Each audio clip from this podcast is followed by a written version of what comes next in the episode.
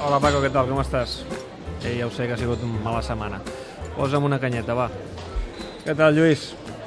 Bé, per dir alguna cosa. No hi ha ni Déu. Ja ho veus, no? Paco, les propines aquesta setmana... Allò... Ai, ai, ai, que se li enfonsa el Ah, negoci. ah, ah. Mira, sort que el, que el seu nebot que feia calaix per poder anar a la final de, de Madrid, de, del Wanda... Ah, i, i, tenia, i tenia ja bitllets comprats o no? Recorda, no, bitllets encara no, però recorda que l'altre dia que el Paco no va venir perquè com que el, el, el Valverde va treure el carro del peix en el, portet, en el partit de Balaïdos, va venir a obrir el- el- l'esnac al seu, al seu nebot i, i ell, el nano, estava fent guardiola amb els botes de, de, de cada dia les propines però clar, això ha baixat ara que no vegis, però afortunadament, com que ja no necessita Uf. els calés per anar a la final del Wanda, quina desinflada, Hi ha Chato. molts culers, molts culers, perquè l'altre dia ho explicaven al Club de la Mitjanit, que van comprar, eh, tenien òbviament, perquè van ser previsors amb el partit d'anada amb el 3 a 0, tenien bitllets comprats, hotel comprat, no barat, no barat precisament, i clar, eh, o, o s'ho han menjat amb patates o hi hauran d'anar igualment.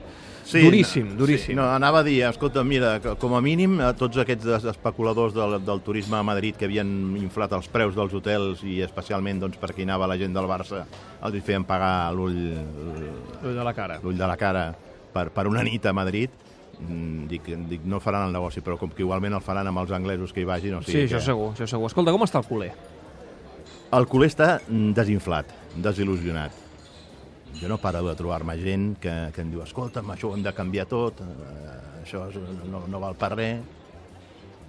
I al final penses, el que va d'un gol, com poden canviar les coses? O sigui, a la primera part l'altre dia al Barça, i no, i no ara no, no, no vull justificar res absolutament, però l'altre dia la primera part perfectament va poder marcar aquest gol, aquest gol de gràcia al camp del, del Liverpool, que segurament l'hagués classificat. Però, però no van tenir l'encert de fer-ho i a la segona el Liverpool els va passar per sobre i li va fotre el bany que li va fotre i a sobre amb, amb, amb, amb, amb l'acudit del quart gol que et va deixar fora de combat i amb, i amb una sensació de, de buidor i amb una sensació de desencís enorme perquè tot el castell i tot el relat que havíem construït al voltant d'aquesta temporada i la tan linda, linda i tan deseada, etc etc etc, es va ensorrar en qüestió de 45 minuts del de, de, del desastre de la segona part del Barça. No? Clar, però passem de, I ara la, de la màxima il·lusió a voler-ho cremar tot, Correcte. perquè ja saps que ara fixa- mateix hi ha un corrent de- de- d'aficionats eh, que volen no, no, eh, jo soc, jo soc que dels, tot caigui, eh? Jo sóc dels que penso que Valverde que Valverde no pot continuar com a entrenador del Barça perquè no genera il·lusió de cara, de cara a la pròxima temporada. Val, no? eh, després en parlarem, però, Però- eh, però- però estaràs que- d'acord que hi havia molts però- aficionats no, no, que, però que apostaven per Valverde abans No, del no, quart és gol que- del Liverpool, és, eh? És, és, que el, és el Ah, que t'anava a dir.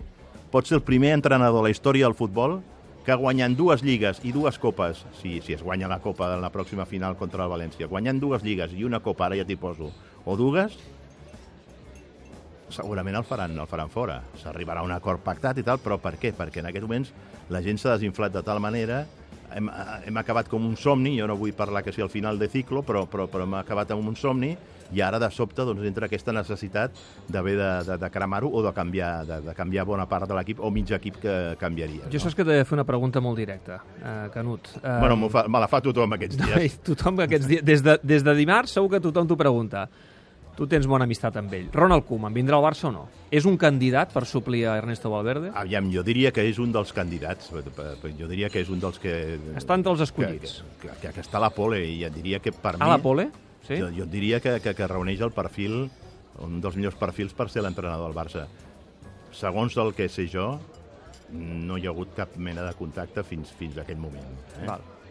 Ell, recordem que és seleccionador holandès, té dos anys de contracte, per Però tant... ell deixaria la selecció holandesa per venir al Barça? Bueno, aquí és qüestió de que el Barça prengui la iniciativa i es posin d'acord i a partir d'aquí hi ha unes clàusules que, que, que s'han d'abonar, negociar amb la Federació Holandesa, li queda un any més de contracte, hi ha el repte aquest de l'Eurocopa, però jo crec que, que les oportunitats dels trens de la vida passen una vegada, pel Ronald ja seria la segona vegada que el tren passa molt a prop, i aleshores el seu somni de ser entrenador del Barça i la possibilitat encara d'agafar els últims anys de Leo Messi com a futbolista pesa molt, no? Més que, que el sentiment patriòtic de ser l'entrenador d'Holanda, perquè no és el mateix ser entrenador del Barça que ser l'entrenador I la figura de De Jong, que ja sabem que serà jugador del Barça, i veurem si De Ligt també, això ajudaria a apropar Koeman? aquí, aquí és on jo crec que Koeman el fa guanyar enters a l'hora de ser el candidat que, que hi doni per, per, per, per escollir, no? Per, Per- per- eh, per sí. què? Perquè, aviam, si, si, si el Barça fa una aposta de regeneració a, a, a, a través, sobretot, d'aquests dos nanos, de Delit que vindrà al Barça, No, no, per, per, De Ligt fitxarà pel Barça. fitxarà pel Barça. De Ligt i, i Frankie de Jong, de Jong són una miqueta com quan el Milan de Rigosaki va fitxar a Van Basten, a Gullit i a Rijkaard. Són uns fitxatges allò estratègics de futur del, del, de l'equip. I aleshores, per tant, aquests jugadors que l'any que ve ja, diguem han de donar el pas endavant, han de donar, han d'arribar aquí a ser els titulars per, eh, diguem-ne, que facin el pas enrere bona part d'aquesta generació del, del 87, aquests jugadors que ara tenen ja 31, 32 anys al Barça, com són els Piqué, com són els Busquets, com són els eh, Luis Suárez. Messi el deixaria a banda, Messi menja part, doncs han de tenir el terreny aplanat per, perquè la seva, la seva adaptació al Barça sigui la més ràpida i millor possible. I qui els hi pot garantir aquesta adaptació millor que ningú? Una persona que parla el seu mateix llenguatge, que els coneix de la selecció holandesa, que coneix perfectament la casa, perquè dius, portem un holandès, vinga, va, l'entrenador de l'Ajax.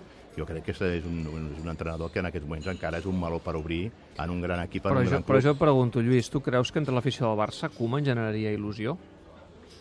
Jo crec que Koeman generaria il·lusió a partir del moment de que, de que Ronald és un dels nostres i és, i, és, i és un heroi del barcelonisme. Escolta'm, jo encara em, em meravello de veure que eh, 30 anys després de Wembley i del Dream Team, Koeman cada vegada que aquí Barcelona ve aquí Barcelona és un ídol per la gent. Bé, Eh, doncs, ja, ja, sé, ja sé que per molts hi ha aquella taca negra del tema del València, Sí. però el tema del València va ser un tema molt, molt, molt, molt especial perquè allà es va arribar a l'acord consensuat amb la directiva de que es faria una, era necessari fer una neteja de vestidor i quan es va fer a última hora la directiva es va tirar enrere, es va haver de menjar una sèrie de jugadors que eren conflictius com el Belda, Cañizares, Angulo dins del vestidor i li van estar fent el llit des del primer moment. Bé, doncs Koeman a la pole position, eh, és el que ens diu el, el Canut. Um, és curiós que estem parlant de desastres aquesta setmana, és evident, just el dia abans que demà al Camp Nou, mm Mhm. ho saps, hi haurà un homenatge Mhm. per uns campions que Meres- van ser homenatge. pioners. Sí. Perquè demà al Camp Nou s'homenatjarà els herois de la Recopa de Basilea del 79. Um, tot just el 16 de maig es compliran 40 anys i, per tant, eh, ells van ser els que van obrir el camí. És el primer títol europeu en colors. Eh?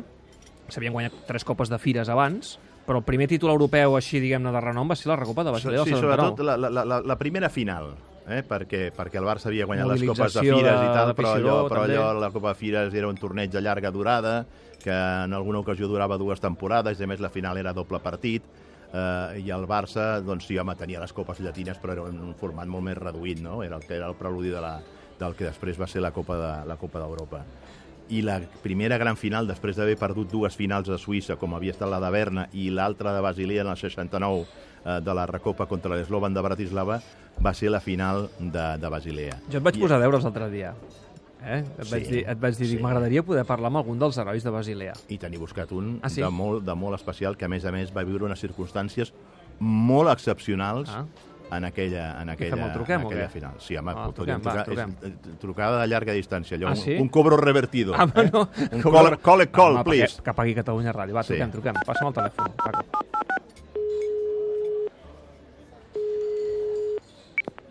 Señor Hansi Krankel, buenas tardes. Buenas tardes. ¿Qué tal, Hansi? ¿Cómo estamos? Todo bien, todo bien. A- aparte, el uh, uh, otros dos días son malísimos. Ya, ya, ya. Y nosotros te llamamos para hablar de una alegría, de Basilea, hace 40 años. ¿Te acuerdas bien, Hansi? Mejor. Se se acuerda Hansi Krankel porque aquellos días eh, le rodearon unas circunstancias muy especiales.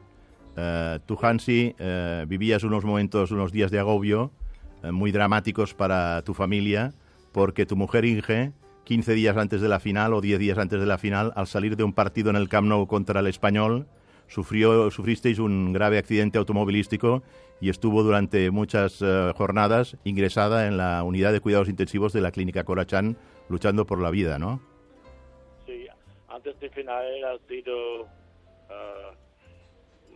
muy, muy mal porque existe este accidente y todo de accidente está un- una semana, una semana y media sin entrenarse y llega la final de Basilea y yo, yo está en el hospital y no va a entrenar y a fin todos me dicen antes vaya a jugar a Basilea y yo yo dice bueno cuando está cuando todo está bien, me voy seguro, me voy seguro y a, a fin de este grave accidente está con, con dos, dos semanas, tres semanas, está todo bien, bastante bien en el hospital y yo me voy a Basilea porque es muy importante y para ganar, es muy importante ganar el primer título de Barça y, y todo. Y a fin, a fin, bueno, es una, una cosa maravillosa. Sí, eh, em, 35.000 culés, 35.000 seguidores del Barça estuvieron en Basilea. Fue eh, el, el primer gran viaje de la afición del Barça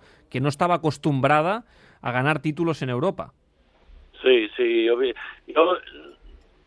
no, me recuerdo siempre, siempre todo, toda la vida no, yo no perdí esta ilusión cuando, cuando llegamos al campo y vamos con, con el traje fuera de campo, el césped, dos horas antes del partido, van enfrente, enfrente 30 mil espectadores con las banderías de Barça y de Cataluña.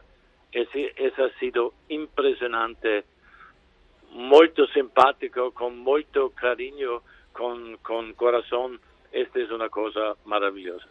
Eh, la, la final fue contra el Fortuna de Düsseldorf. Es Eh, la final europea que se han marcado más goles. Correcto, siete, Siete goles. goles. 4-3 eh, se decidió en la prórroga, eh, la, la final con más goles en, en una recopa de Europa. Eh, eh, marcaron por el Barça Tente Sánchez, luego el empate a 1, 2 a 1 de Asensi, el 2 a 2. Reixac falló un penalti. Reixac falló un penalti, nos vamos a la prórroga. Reixac marca el 3-2 y Hansi Krankel hace el 4-2 en la prórroga que decidía el partido. Luego marcaron los alemanes el 4-3, pero ya no tuvieron tiempo. Sí, sí, este, este está muy bien porque la patita pa- para mí personalmente está mal porque yo, yo está sin entreno y no, no está en forma porque una, una semana y, y medio sin entrenarse no está bien y no está, tengo poco, tengo muy poco ocasiones, pero importante es ah, en la última ocasión de Lobo Carrasco me da la pelota yo marca para Barça y, y eso es el, el más importante porque el cuatro gol ha sido la victoria para Barça y ese es el más importante. Eh, Hansi, ma- mañana, eh, este domingo no vas a estar, ¿verdad? En el Camp Nou, en este homenaje no vas a poder estar. No puede, no puede porque yo estoy en Sky Austria con el campeonato, yo estoy de experto en la televisión, no puedo, tengo trabajo y no puede. Eh, eres comentarista, ¿eh? Lo- Eres lo comentarista. siento mucho, Lo siento mucho. Ajá. Eh, digo, eres comentarista, Hansi, ahora, en la televisión. Sí, sí, experto Sky Austria para los partidos de la liga y cuando estamos internacional con una con un equipo yo está con Sky Austria. Déjame recordar, deixa'm recordar que Hansi Krankel aquella temporada, perquè molta gent em pregunta que no jugava al Cruyff? Dic, no, no, el Cruyff ja havia marxat del Barça. No, mira, tinc I, aquí- i, el, I el nou del Barça aquella temporada era Hansi Krankel, Mira, L'11 l'11 d'aquella final, Sí. Artola a la porteria. Zubiria, Costas, Miguel i de Albadalejo, Sí. Sánchez, Neskens Asensi, Sí. Reixac, eh, Krankel i Carrasco. Carrasco i, i, i l'entrenador era Rifé. Eh? L'entrenador era Quimet Quimet Rifé. Dic perquè el Hansi l'havia fitxat aquell any al Barça, era el, el, el, el fitxatge estrella del Barça d'aquella temporada per substituir a Johan Cruyff. Había, sido el máximo goleador del Mundial con Austria en el Mundial 78 de Argentina y aquel año además te proclamaste Pichichi de la Liga Española. Sí, sí, sí, yo en este año sale todo, yo está Pichichi de la liga, es un, un gran triunfo para mí personalmente, el Pichichi en España es una cosa muy buena. Hansi, Tenía, tenía una esquerra, nano, Sí. que las enchufaba. Le metiste cinco goles en un partido al Rayo Vallecano aquí en el Camp Sí. Nou. ¿eh? Sí. Tenías una zurda que como te cayera el balón en el área, era gol seguro, ¿eh?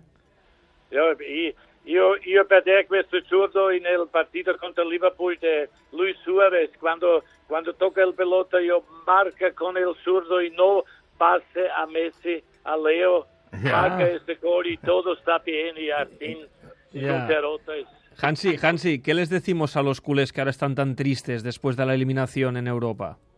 Sí, que como, como yo.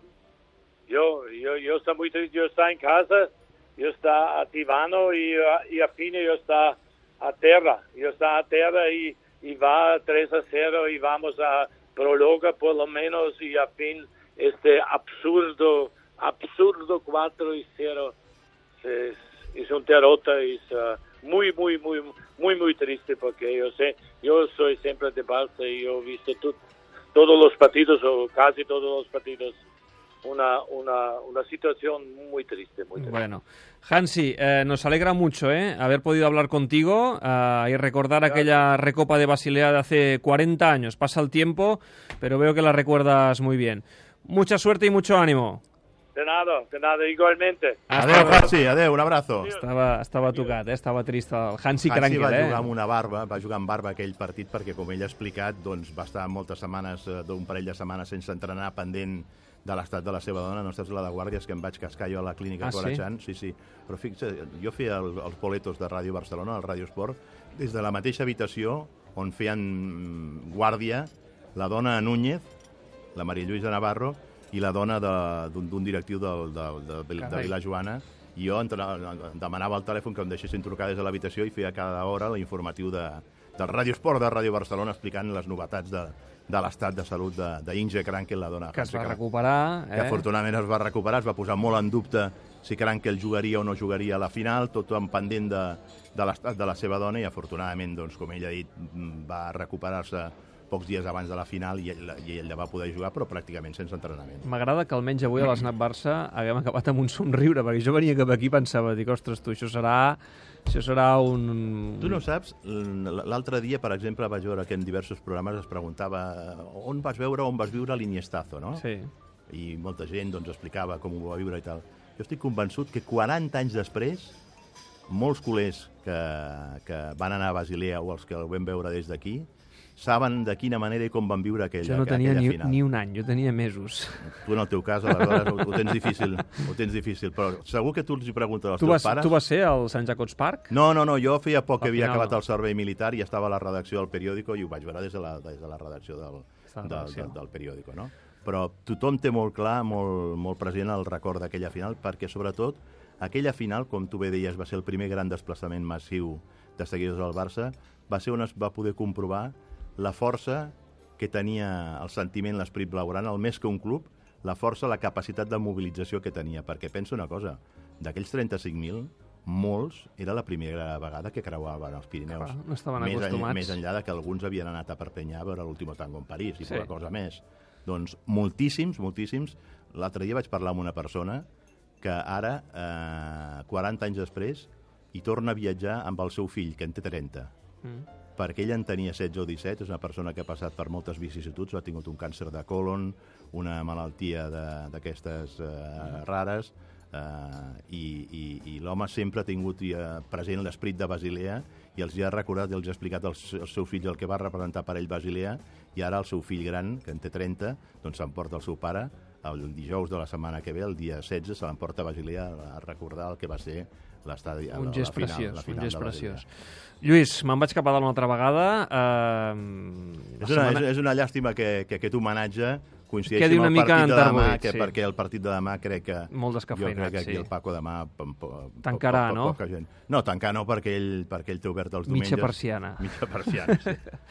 Molt bé, Lluís, fins la setmana que ve. Que vagi molt bé. Adéu, ha estat un plaer parlar amb el Crankel, eh? Home, i Eh? tant. Hansi Tu sempre Krankel. compleixes els deures. Hansi Krankel. Adéu. Adéu. Adéu, Paco.